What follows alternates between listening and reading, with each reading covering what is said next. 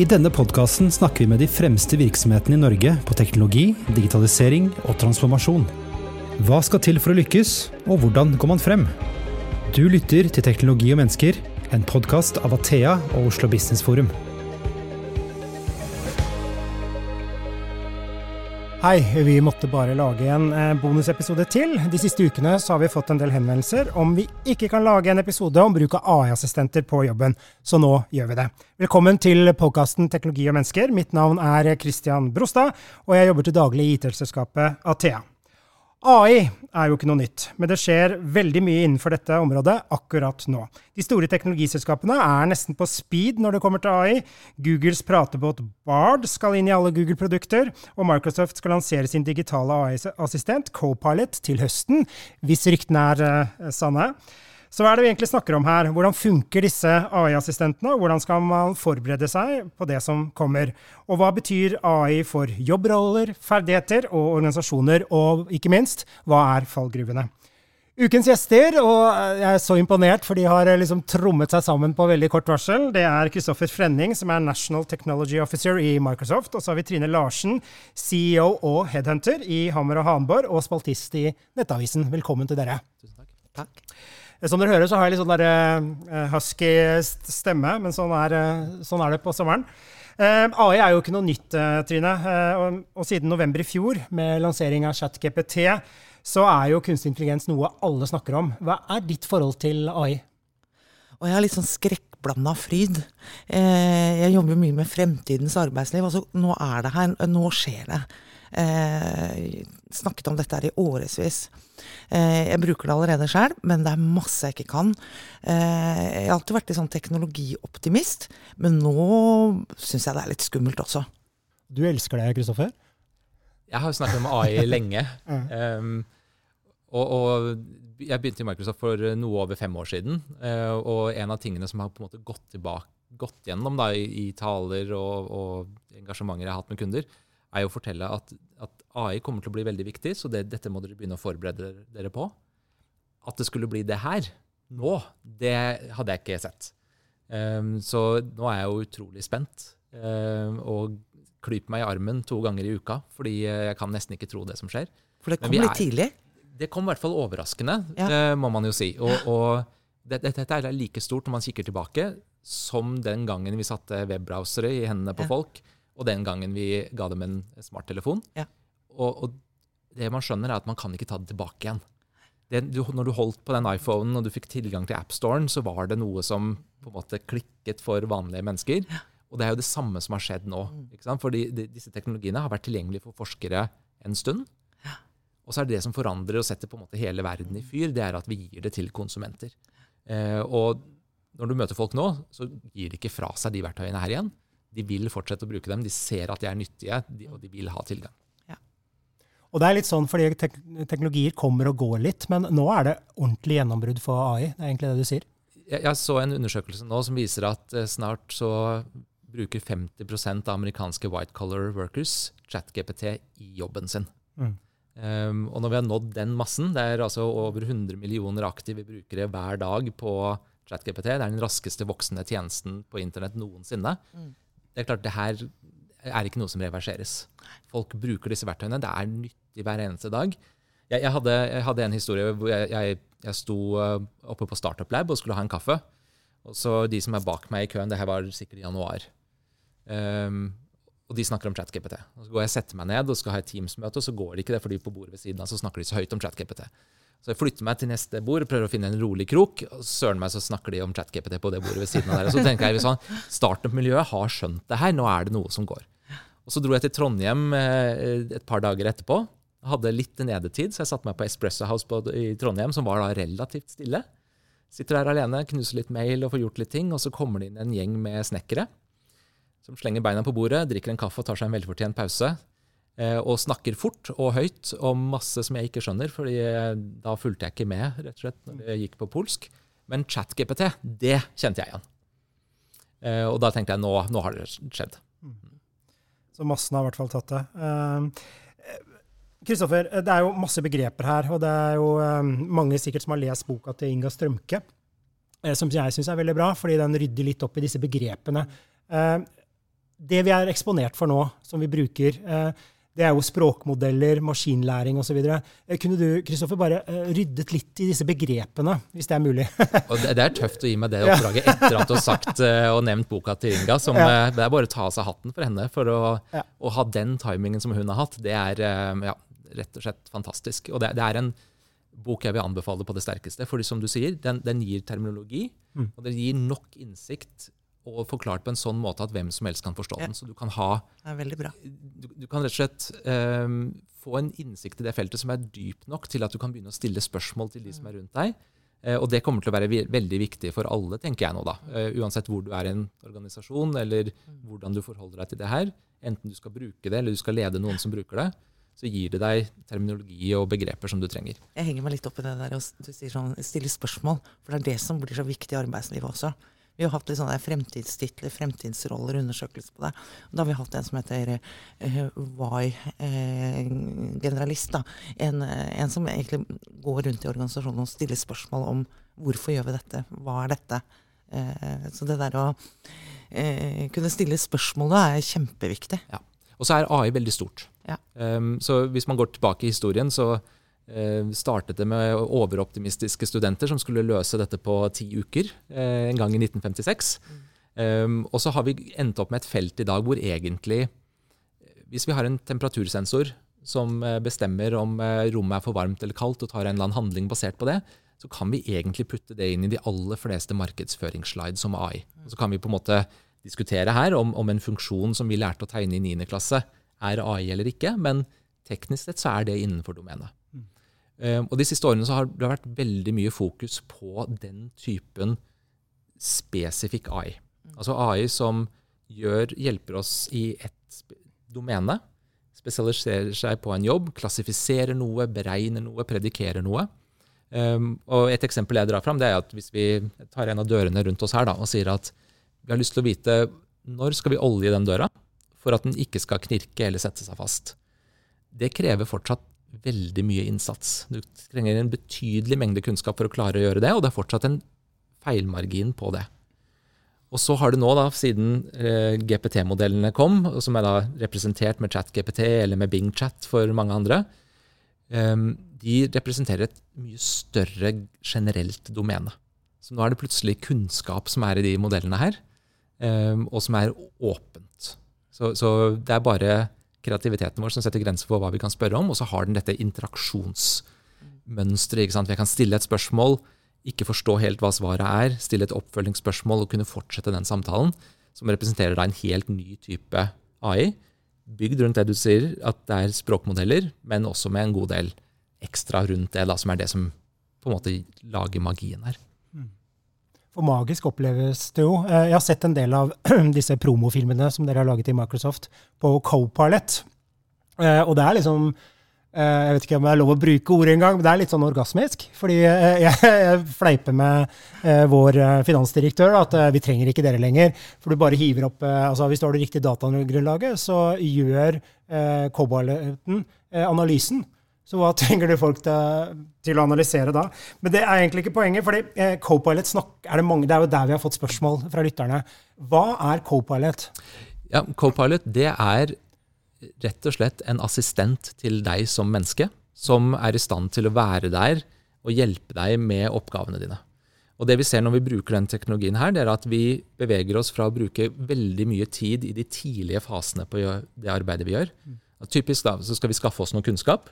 Og vi må lese. Du må kanskje lese en bok, du må undersøke noen websider, du må lese noen forskningsartikler. Og de, den innsamlingsbiten tar ganske mye tid. Og så skal du kverne dette her og, og, legge til menneskelig intelligens og dine vurderinger og dine perspektiver på det. Når man bruker kopiloter, så ser vi at den første innhentningsbiten den blir kortere. Og du får mer tid til det verdiskapende arbeidet etterpå. Og kopiloter er rett og slett eh, å ta den teknologien som nå er, og flytte den inn i alle typer produkter. Så absolutt all software bør nå tilbake på tegnebordet og finne ut hvordan skal man bygge en kopilot for denne typen system. Og det er det vi i Microsoft da gjør veldig konkret med Office-appen, som kanskje er det første folk vil eksponeres for, og som utviklere nå har tilgang til et uh, drøyt år for å skrive kode. Um, så her, um, her, skjer det noe spennende.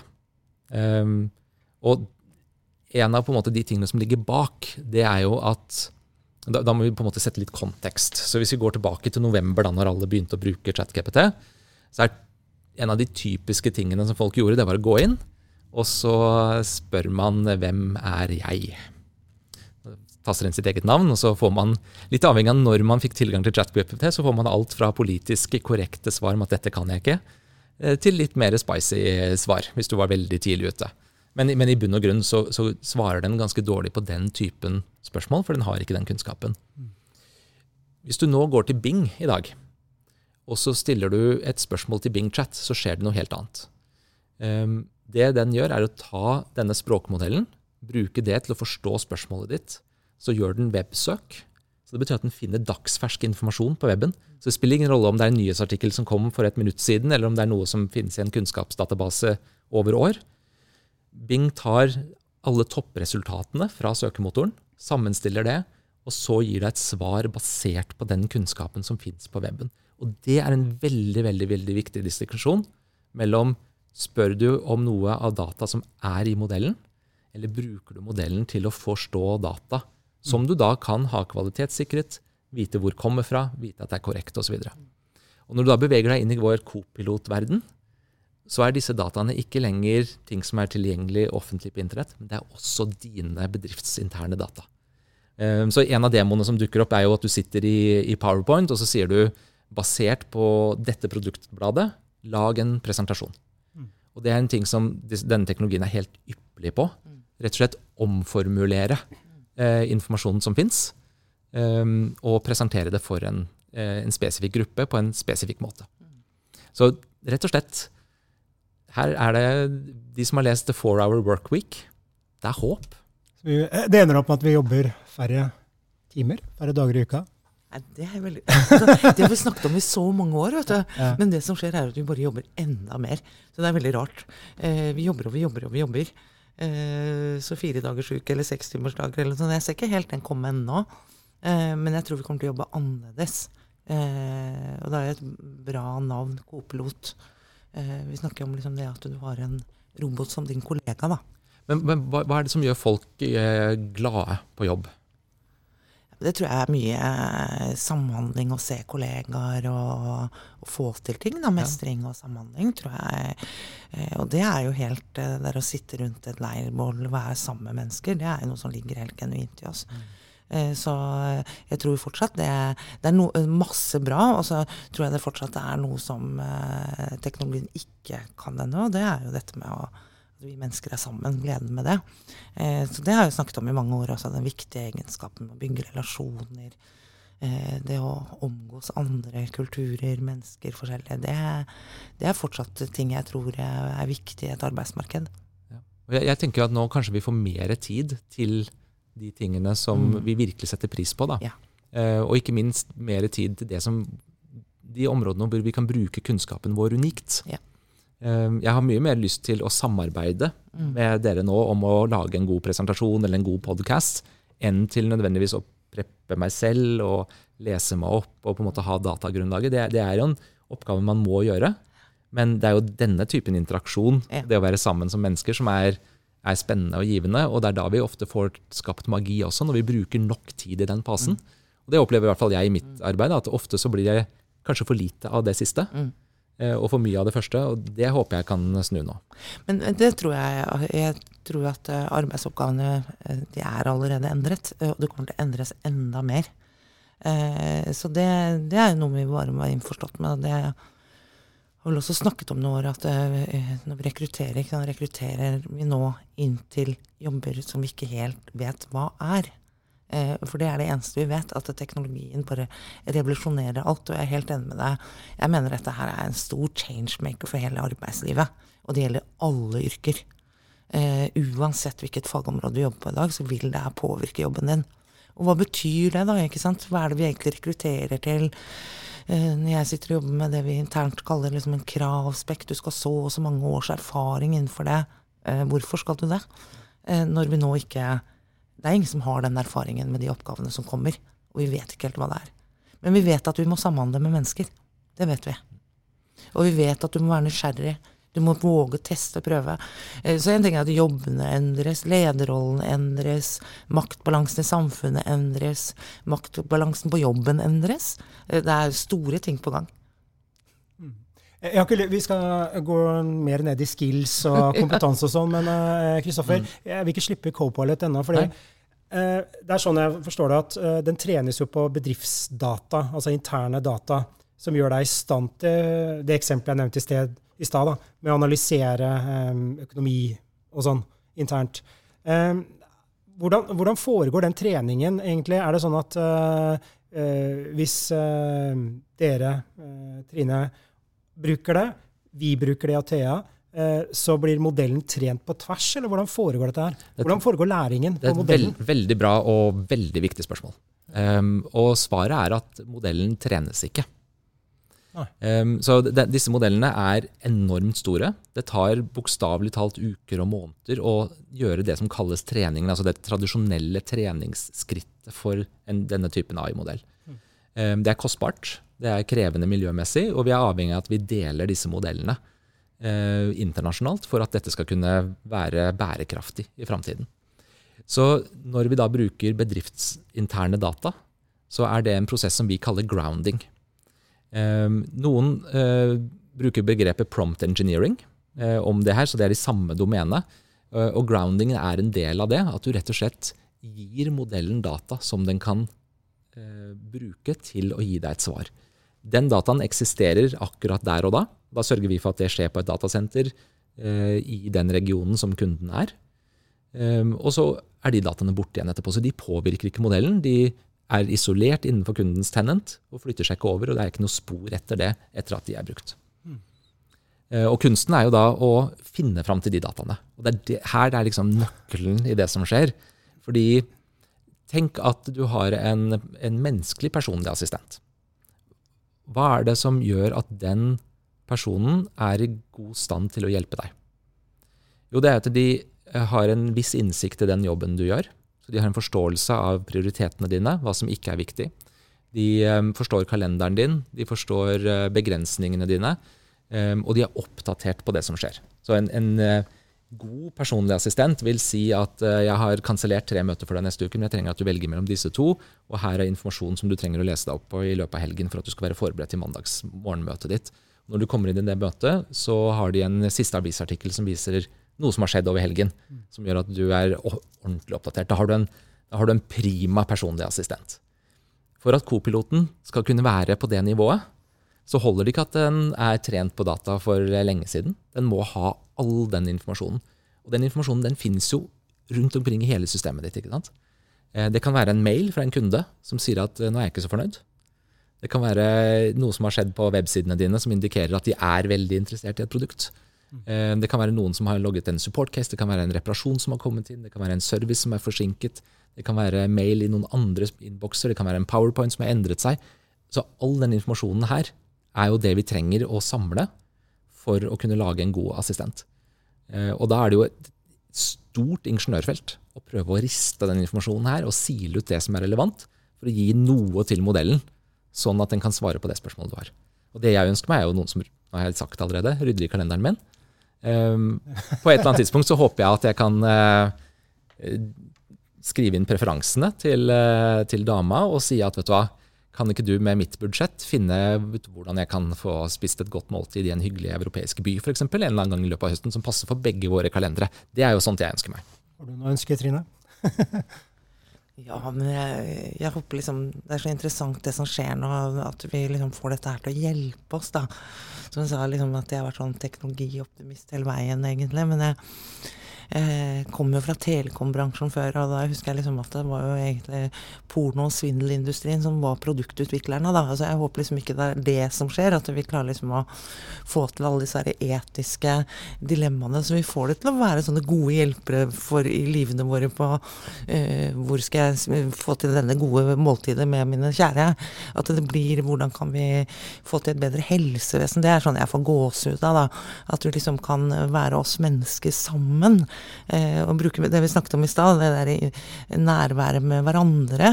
Om det er på jobb eller i privatlivet. Og, og helse er veldig interessant. Mm. Eh, Microsoft jobber masse med helse rundt mm. det her.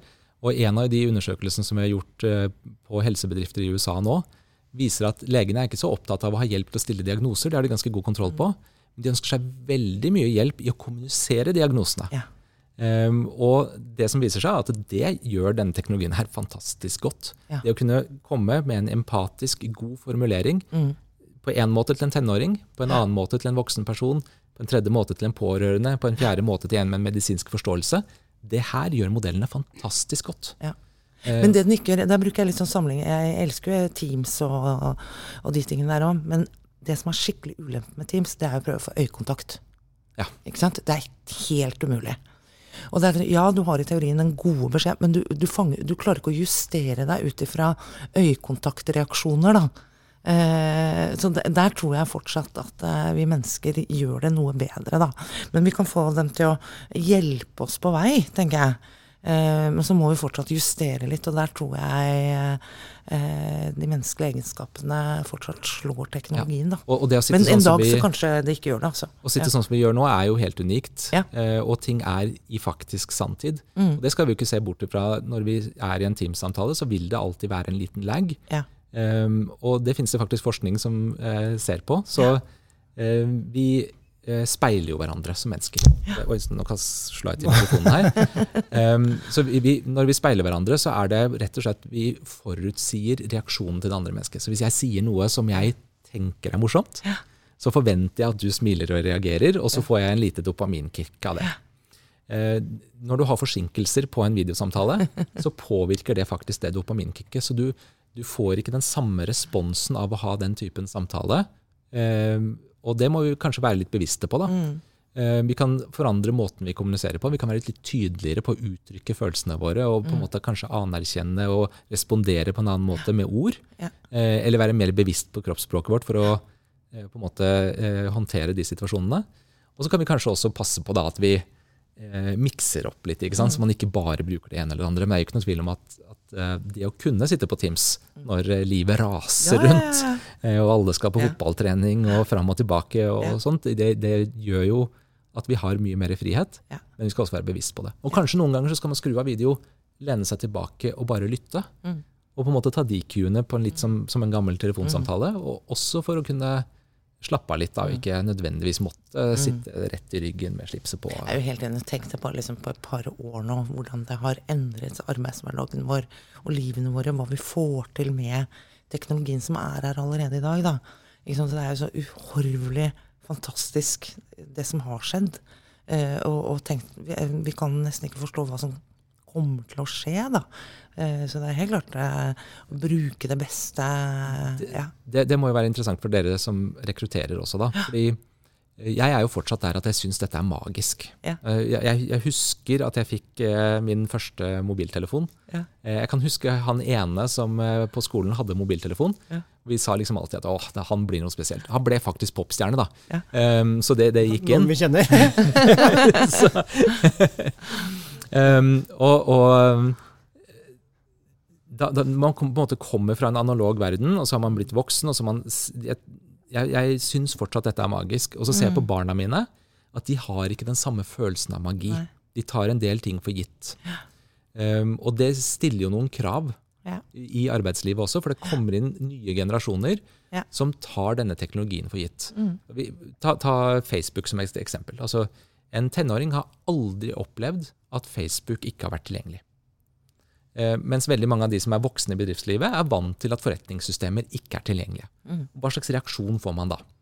Eh, man er vant til at man får gode forslag og gode anbefalinger.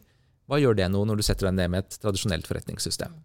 Eh, og om to år så kommer også den generasjonen som kommer inn, til å forvente at det finnes en AI-agent som hjelper dem med å gjøre jobben deres. Um, så her er vi nødt til å på en måte være på. Da. Um, og vi ser det med utviklere, eh, som har hatt Copilot nå ganske lenge.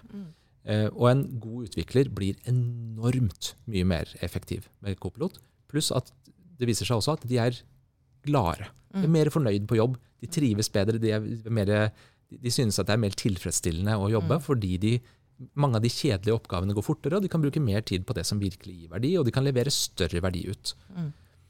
Um, og den forventningen kommer til å komme andre steder også. Så alle vil forvente at din bedrift har co-piloter. Mm. Eh, rett og slett for å slippe unna de kjedelige oppgavene. Jeg pleier å si at Datteren min kommer aldri til å sitte i et regnskapssystem og punche inn en kvittering for å få tilbake pengene sine. Hun kommer bare til å forvente at det går av seg selv. Mm. Og så er spørsmålet er vi andre rundt forberedt på det. Forbereder vi oss på det? Jobber vi aktivt for det? Eller godtar vi status quo? Eh, apropos forberedelse, fordi Nå sa jeg jo innledningsvis at dette kommer til høsten. Jeg vet ikke om du kan bekrefte eller avkrefte det. Når får norske virksomheter tilgang til Copilot?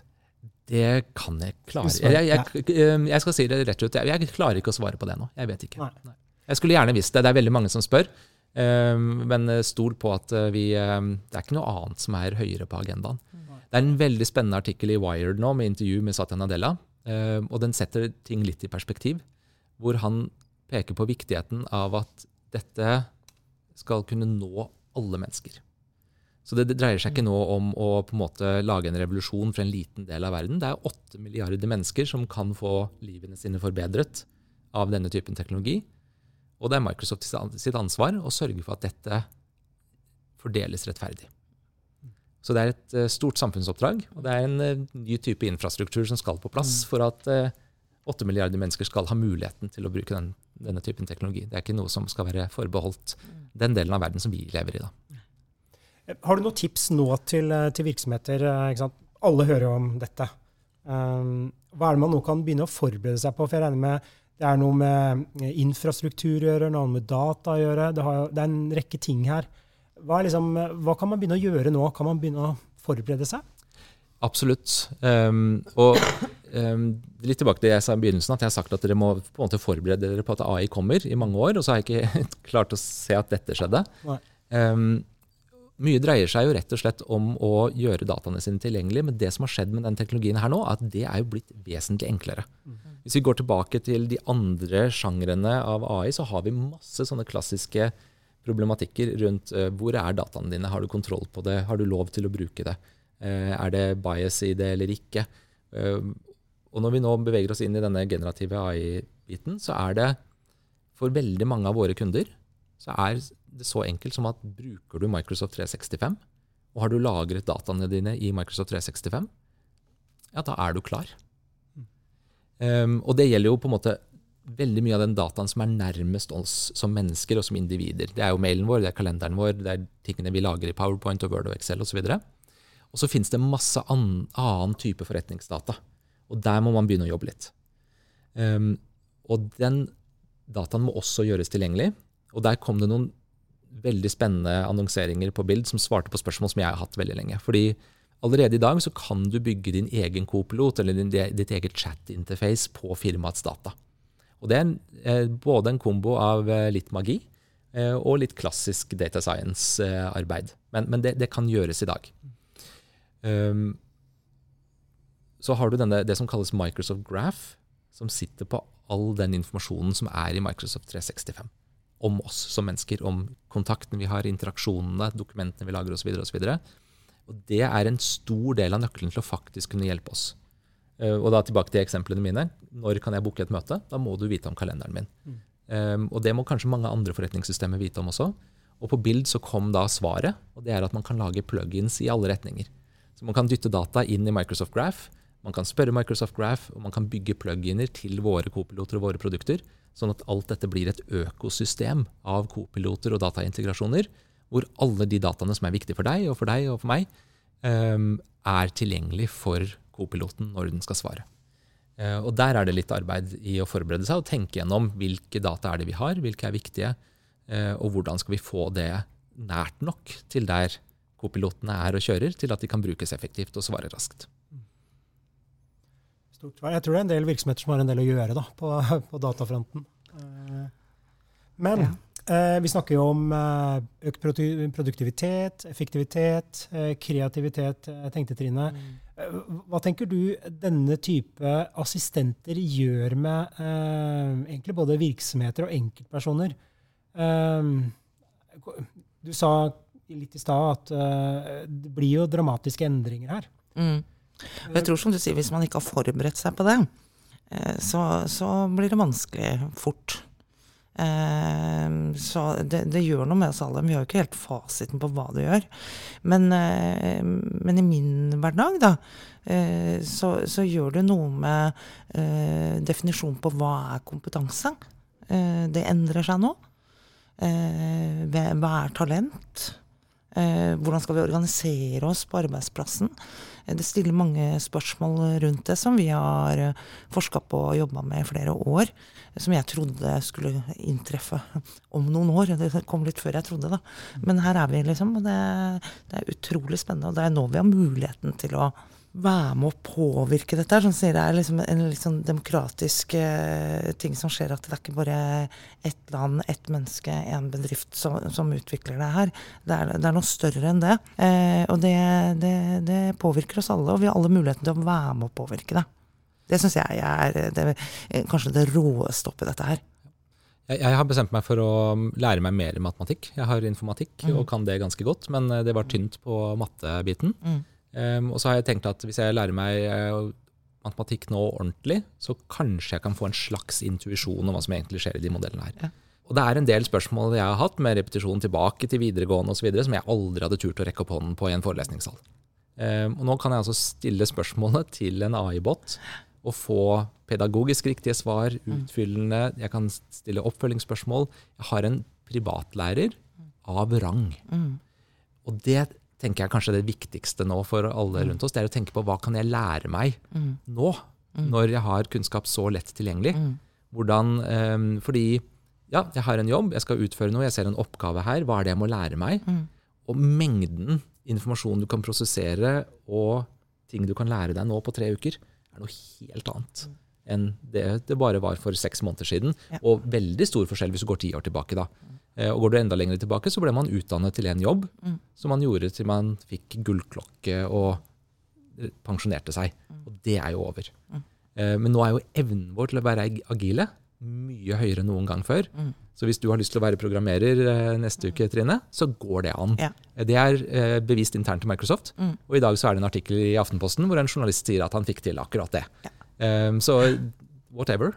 Jeg hadde jo vel for ti år siden eller sånn mine fem minutter som kjendis når jeg sa at CV-en hører hjemme på museum. Men det er jo det du forteller om nå. Ikke sant? Det, det, det er ikke så viktig lenger hva du har mastergrad i. Eh, men det er viktig at du har noe utdannelse. Det tror jeg fortsatt på.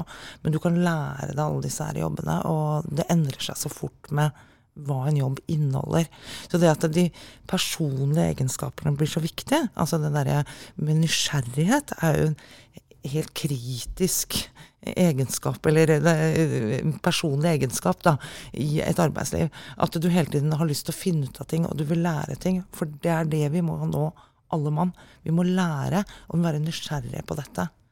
Eh, og så blir det eh, noe vi snakker mye om med mine skandinaviske kollegaer, er jo dette med eh, som vi kaller mer verdibasert rekruttering.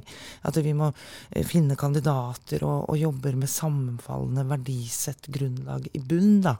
At vi tror det blir viktigere og viktigere. Og da kaller jeg det litt det der altså at du er sikker på at organisasjonen din klarer å ta beslutninger på volleyen. At du, du, du, har det i ryggmargen, at vi har det samme grunnlaget foran. Og så er det masse innovasjon og utvikling som skjer nå fremover. Teste, prøve, feile. Det har vi snakket om i noen år, men det, det, det blir jo enda viktigere nå. Og våge det. Og da er det det med tillitsbasert ledelse som man også har snakket om i mange år. Men det er nå det skjer. Du må ha tillit til organisasjonen din. Og det er det jeg også en gang sa at jeg syns mellomlederne kan også gå på museum. Og det er her vi er nå. Eh, fordi at du trenger ikke mellomlederen til å sitte og kontrollere at du gjør jobben din lenger, eller til å svare ut spørsmål du lurer på, for der har du co-piloten, eller du har AI-verktøyet til å gjøre de tingene. Man har jo ofte gått til en mellomleder for å få hjelp til å utføre oppgavene ja. sine. Eh, og Hvis du klarer å finne ut av det nå på egen hånd, ja. så gjør jo det noe med, med hvordan organisasjoner kan settes opp. Da. Så det gjør noe med hvordan vi organiserer oss i arbeidslivet. ikke sant? Det gjør noe med eh, hvilken organisasjonsform skal du ha, matrise, hierarkisk, eller ikke sant? Hvordan, hvordan, hvem er sjefer her, og hvordan er den maktbalansen der. Så det her endrer seg så utrolig fort, og det er ikke ett svar på det. Men jeg nevnte litt at vi har jobba med dette her i flere år i Hammer Hamburg. Jeg vil jo anbefale også boka vår 'Fremtidens arbeidsliv', hvor det er ti steg på hvordan du skal lykkes inn i det arbeidslivet vi går i nå. da. Det dreier seg om eh, både skills og de tingene, og personlige egenskaper og kultur og sånn, men også organisere. Også. Det, det, det, er ikke liksom gjort eh, på et knips å si at det og det er nøkkelen til løsning. Men eh, det er helt klart at man eh, har, Det endrer seg eh, radikalt. Ja. Jeg tenker En av tingene man må gjøre nå, det er å sørge for at denne typen teknologi er tilgjengelig. Mm. Eh, det, det debatteres på en måte. Mm. Er dette trygt for oss, er det ikke? Hvordan mm. skal vi bruke det? Hvor, hva skal vi bruke det til? Og da, da er det faktisk en reell mengde strategiarbeid som må gjøres. Mm. og Finne ut hvilken retning skal vi gå, hvor mm. er det viktigst. Ja. Um, og mitt råd er jo å snu seg til sin egen organisasjon først, mm. før man løser eksterne problemer. Fordi dette er ny teknologi. Um, vi ser at det er enormt mange muligheter. Vi skal også forstå hvilke begrensninger det har.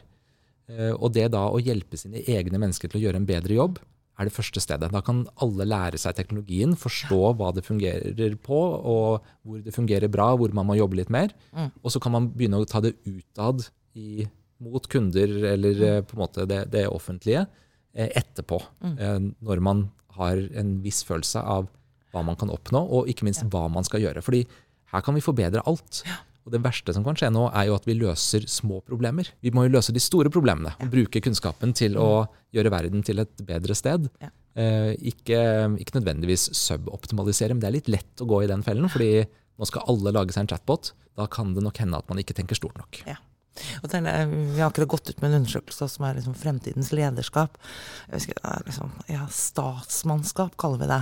Jeg syns det var litt sånn svulstig med en gang, men det er liksom, nei, nå syns jeg ikke det lenger. For det, det her det også gjør, er å, eh, at lederrollen At vi forstår at vi alle er en liten brikke i noe større. Og at vi kan påvirke til å løse de store problemene i verden. Da. At det er ikke eh, Vi har jo fortsatt en del problemer i verden vi må løses, og det klarer ikke lenger å bli løst av verken én nasjon, én eh, bedrift eller ett menneske. Vi må samarbeide på tvers her da, av, av alt dette og forstå at selv den lille enkeltindividet har en mulighet til å være med eh, på de store så, så, jeg er helt enig. Jeg håper vi kan få brukt alt dette her til å løse de store problemene i verden og lage et, et bedre arbeidsliv og et bedre liv. Da, et bedre samfunn. Det er, kult. Det er kjempekult. Eh, eh, vi har jo en del lyttere her som sikkert lurer på hva man selv kan gjøre. Eh, jeg kom over en eh, artikkel, jeg husker ikke hvor den sto hen, om stillingsannonser i USA hvor det med prompting skills, altså prompt engineering, liksom, har økt uh, med 20-30-40-50% Det var helt sjukt. Mm. Finnes det i norske stillingsannonser som du har sett? Altså De skillsene vi egentlig trenger her. For på språkmodellene så må du være god på du må jo være god på å skrive de promptene, eller de ledige tekstene. da. Mm. mm. Ha, har vi sånne Jeg har, ikke sett, sett noe. Nei, jeg har ikke sett det selv. Har du altså. det i dine annonser? Nei, men jeg har mye mer vekting på personlige egenskaper enn hva jeg hadde før. Da. Du må jo ha noe grunnkompetanse, men det å kjenne seg igjen i verdiene til selskapet og ha de personlige egenskapene eh, som, som, er viktige, har jeg jo veldig ofte med i utlysningen også. Mm. Og det gjør at folk syns det er spennende eh, med den jobben.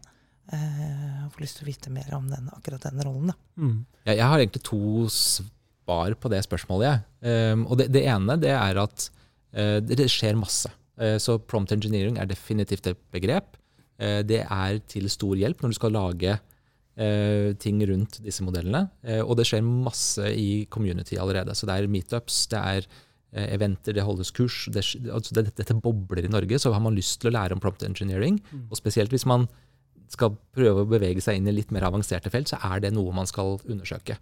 Så, så, dette kommer til å komme. Det kommer til å komme til, arbeids, til stillingsannonsen også. Men, men, husk at vi, vi, er jo altså Hvis du, hvis du knakk beinet 1.11. og hadde litt komplikasjoner, så kan du foreløpig nesten ha gått glipp av alt det her. ikke sant? Så vi, det, er, det er fortsatt ungt, men det beveger seg veldig veldig fort. Mm. Det andre svaret mitt på det er at til en viss grad, og er, jeg vet at det her er litt provoserende for noen, så syns jeg kanskje det er litt overdrevet. Fordi eh, vi ser allerede at millioner på millioner på millioner av mennesker får nytte av denne teknologien uten noen form for opplæring. Produktene hadde ikke tatt av på den måten her hvis ikke det var intuitivt og lett å bruke. Og det er jo fordi det som vi nå kaller prompt engineering, som er den tekniske disiplinen av det, og det mer avanserte, og hvilke data du dytter inn, og også grunnlaget for det jeg kalte grounding i stad, mm. det er jo egentlig en ganske grunnleggende menneskelig egenskap, nemlig det å ha en samtale, mm. gi kontekst, stille gode spørsmål, det er helt naturlig for oss. Så egentlig så er ikke dette verre enn å prøve å være tydelig. Ha de skillsene man trenger for å kunne snakke med et annet eh, eh holdt jeg på å si individ, vi skal ikke si individ. Men når vi snakker som mennesker, eh, så er det jo rett og slett å hjelpe den andre å forstå hvor man er og hvor man vil hen. Det er en naturlig del av en samtale. Og veldig mange av de tingene er faktisk direkte overførbart til bruken av disse bottene også. Så vanlige mennesker skal ikke være redd for å bare sette i gang. Du trenger ikke et kurs i prompt engineering for å bruke Bing Chat. Eh, det er bare å starte. Og så er det klart at når den i andre enden ikke forstår helt, så hjelp til, da. Mm. Gi mer informasjon. Ja. Still et oppfølgingsspørsmål. Guide dem i riktig retning. Og det, det er faktisk uh, litt Det faller litt naturlig for oss som mennesker. Så er det et sjakktrekk at det kalles chatbot også. For chatting det har vi jo drevet mm. med uh, mye uh, tidligere. da. Du, du, snakket litt om i stad om endring av maktforhold. For denne teknologien kan jo endre både i samfunn og innad i organisasjoner. Hva, hva tenker du om det? Ja, men vi er jo inne i en industriell revolusjon, og i alle revolusjoner så skjer det endring i maktbalansen. Mm. Jeg tror på liksom det hierarkiske arbeidslivet står for fall, da. Uh, og at det blir uh, spisskompetansens nye arena, da. så det å bare gå rundt og være ledere, liksom det, det, det, Nå er det man kan velge å vrake hvis man har den rette kompetansen og inn i arbeidslivet. Jeg tror man vil se endringer det er, sett, det er sett allerede til nå at du kan ikke lenger lene deg på et sterkt varemerke eller logo som bedrift for å tiltrekke deg folka. Eh, de beste folka vil jobbe, jobbe, med andre bra folk. Det er menneskene der igjen som betyr noe, da. Eh, så du kan ikke bare vise til gode tall og en sterk logo. Du er liksom, Hvem er leder dette selskapet, hvem eier dette selskapet, hvem er det som jobber der? Det er mye viktigere informasjon for meg når jeg skal finne gode folk til en bedrift. Da. Jobber jeg mye med akkurat de tingene. Og det er en endring av maktbalansen, syns jeg. Eh, så, så, det er mange av de tingene som eh, og, og, det vil igjen endre andre ting igjen. ikke sant? Er det alltid en selvfølge at det er topplederen som skal tjene mest? Det er ikke så lenge før vi ser endring på det. Vi har allerede kanskje begynt å se det også. Så hvem, hvem, sin kompetanse er mest verdt her, da. Man snakker mye om topplederlønninger, men eh, jeg tror vi snart får helt andre diskusjoner også på det. Og så har jo organisasjoner hatt en effekt. Altså Grunnen til at vi har organisasjoner, er at vi da kan gjøre noe større, bedre, mer effektivt fordi vi organiserer mm. eh, på en måte arbeidet vårt. Eh, jeg tror vi kommer til å se at uh, små selskaper eller små grupperinger, små team, kan ha enormt mye større gjennomslagskraft. Mm. Så hvis man skal investere framover, så har man på en måte hatt et begrep om hvor mye penger må man legge på et team, hvor stort må det teamet mm. være, for at man skal kunne på en måte slå igjennom, da, for å bruke et litt sånt enkelt begrep. Um, nå kan jo da et tre personer som uh, bruker Copilot for å skrive kode, og bruker Copiloter for å skrive websidene sine, og bruker mm. Copiloter for å lage logoene sine, og bildene sine, og presentasjonene, og, og e-postene til kundene, og kunnskapsdatabasen sin, kan jo nå enormt mye lengre. Og de kan gjøre det som du kanskje trengte 20 eller 25 ja. mennesker for å gjøre for et år siden. Uh, og dermed så kan jo da en investering på uh, noen ytterst få millioner kanskje være det som skal til for at et selskap kunne nå et globalt marked da, hvis du kan distribuere på internett. Mens det kanskje ville krevd flere ganger av det før, og vesentlig flere mennesker. Og Det kommer til å gjøre noe spennende, og det gjør at det kanskje blir lettere å være entreprenør. Ja. Eh, og det kan være lettere å være intraprenør. Og man eh, må kanskje sørge for at det fins rom i organisasjoner da, mm. til å ha den typen innovasjon, sånn at dette kan boble opp. Ja. Og Vi er jo klassisk ganske gode på å optimalisere i Norge. Mm. Og hvis vi bruker den teknologien her nå til å optimalisere alt, eh, da kan vi velge om vi eh, gjør mer og så går hjem fire, eller om vi eh, gjør alt og bare går hjem tidligere. Eller vi kan velge om det faktisk er rom igjen da, til å drive innovasjon, drive verdiskaping og gjøre noe nytt og bedre. Passe som hånd i hanske i norsk næringsliv, hvor det er mange små og mellomstore virksomheter. Dette gir ordentlig fuel. Ja, ja, ja. En, en, av de store åpenbaringene mine med denne teknologien her, det er jo da tilpasning av informasjon. Og det, det, startet egentlig, Jeg må fortelle den historien her, fordi eh, datteren min hun eh, går på ungdomsskolen, og så kommer hun løpende opp til meg på kjøkkenet eh, sent sent på kvelden. Så Jeg tror klokka var halv elleve på en torsdag, eller noe sånt, og så hadde hun en deadline ved midnatt.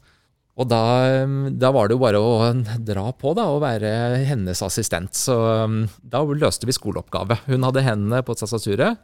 Uh, og så er det jo da en, kanskje en gråsone på hvor man er som forelder i å hjelpe til i en sånn prosess, men, men hun fullførte oppgaven sin om tror det var pollinering av vanilje på Tahiti, eller noe sånt som vi, vi skrev om. um, og, så, og, så, satt jeg neste morgen og så tenkte jeg, hva, hva hadde skjedd hvis hun hadde hatt uh, ChatGPT? Og så taster jeg inn da, liksom, skriv en uh, Hun hadde en begrensning på et visst antall ord, så jeg sa, sier til ChatGPT at skriv om pollinering, på vanilje, pollinering av vanilje på Tahiti. Én av fire sider. Og det som kommer ut, det hadde jo ikke en bachelorstudent klart å skrive engang. Så aldri i verden om hun kunne sendt inn det. Mm. Og så sier jeg jeg vil at du skal skrive det om i et typisk språk for en 15 eh, år gammel jente. Og så kommer det ut noe som fortsatt er ganske bra og, og absolutt kunne vært brukt. Og så sier jeg legge inn typiske stavefeil for en 15-åring. Uh, og den hadde ingen lærer noensinne uh, avslørt. Det er helt sikkert. Ja. Og så ledet det meg på et spor, så jeg har testet det her. Når jeg sitter ved siden av folk på fly eller andre steder, så har jeg liksom spurt hva driver dere med, og så har vi fått eh, da eh, disse bottene til å skrive, eh, skrive noe for oss. Det satt ved siden av en fysioterapeut som bl.a. hadde en, en, muskel her et eller annet sted rundt kravebeinet som eh, plaget en del. Og så sier vi ja, ok, skriv en artikkel for en med medisinsk bakgrunn. Så får vi ut en artikkel, og han faktasjekker og sier at alt det her er helt riktig. og Den kunne jeg lagt ut på bloggen min. Så ber vi dem skrive den om for en ungdom. kommer det et helt annet språk ut. Skrive den om for en musiker. Jo, det er typisk for en musiker at dette skjer da og da og da. Og da. Um, og her er det noe ikke sant, som gjør at små bedrifter kan nå ut. Så måten man skal lage informasjon på, endrer seg. Fordi vi har skrevet informasjon for et annet menneske. Så jeg ønsker, jeg har til og med nå kommet over forsikringspapirer hvor ikke firmaets navn står der. De bruker logoen sin isteden. Vektorisert, så den kan ikke leses av en datamaskin, fordi det ser bedre ut.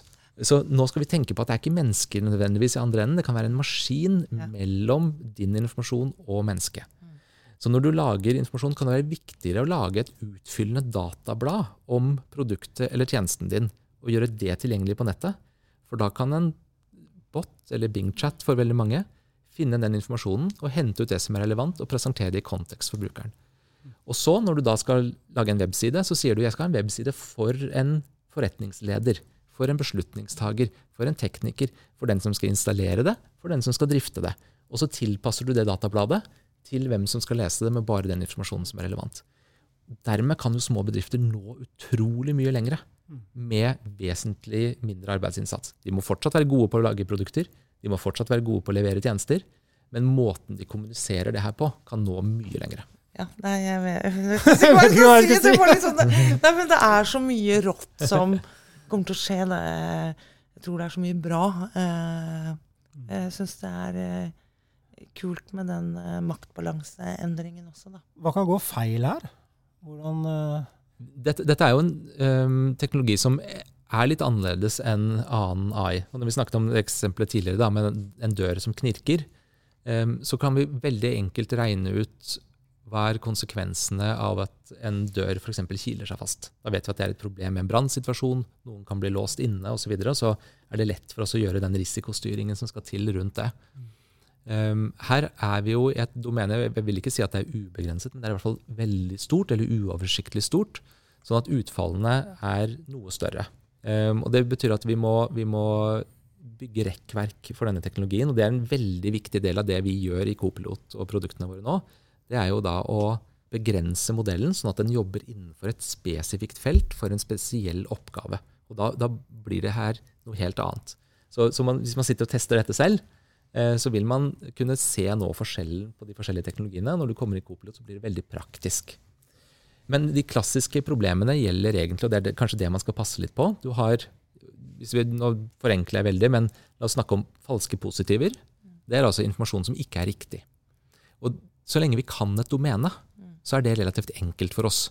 Ehm, jeg presenterer noen eh, teorier nå om, eh, om, ledelse, og så sier du at det er åpenbart feil. Og så ber du meg om å gi deg en liste over ledelsesstrategier, og så klarer jeg å si fire av fem.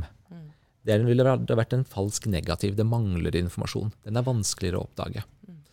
Um, så disse tingene må vi være på jakt etter, og det fins måter teknisk sett å håndtere det her på. Så, og det bygger vi inn i Copiloten og disse plug-in-arkitekturene. Og når man bruker teknologien rått, så må man ta hensyn til det. Eh, og da har vi uh, kommet fram til at vi må kommunisere om produktene våre på en litt annen måte. Vi har jo før på en måte levert et produkt, og det fungerer på denne måten. Det kan gjøre akkurat dette. Du vet hvilke funksjoner som ligger i nedtrekksgardinene i Excel. Og det er det Excel kan, og du forventer at alt Excel gjør, gjør den riktig. Mens her er det en teknologi som av og til kan gjøre noe litt annet enn det du forventet deg.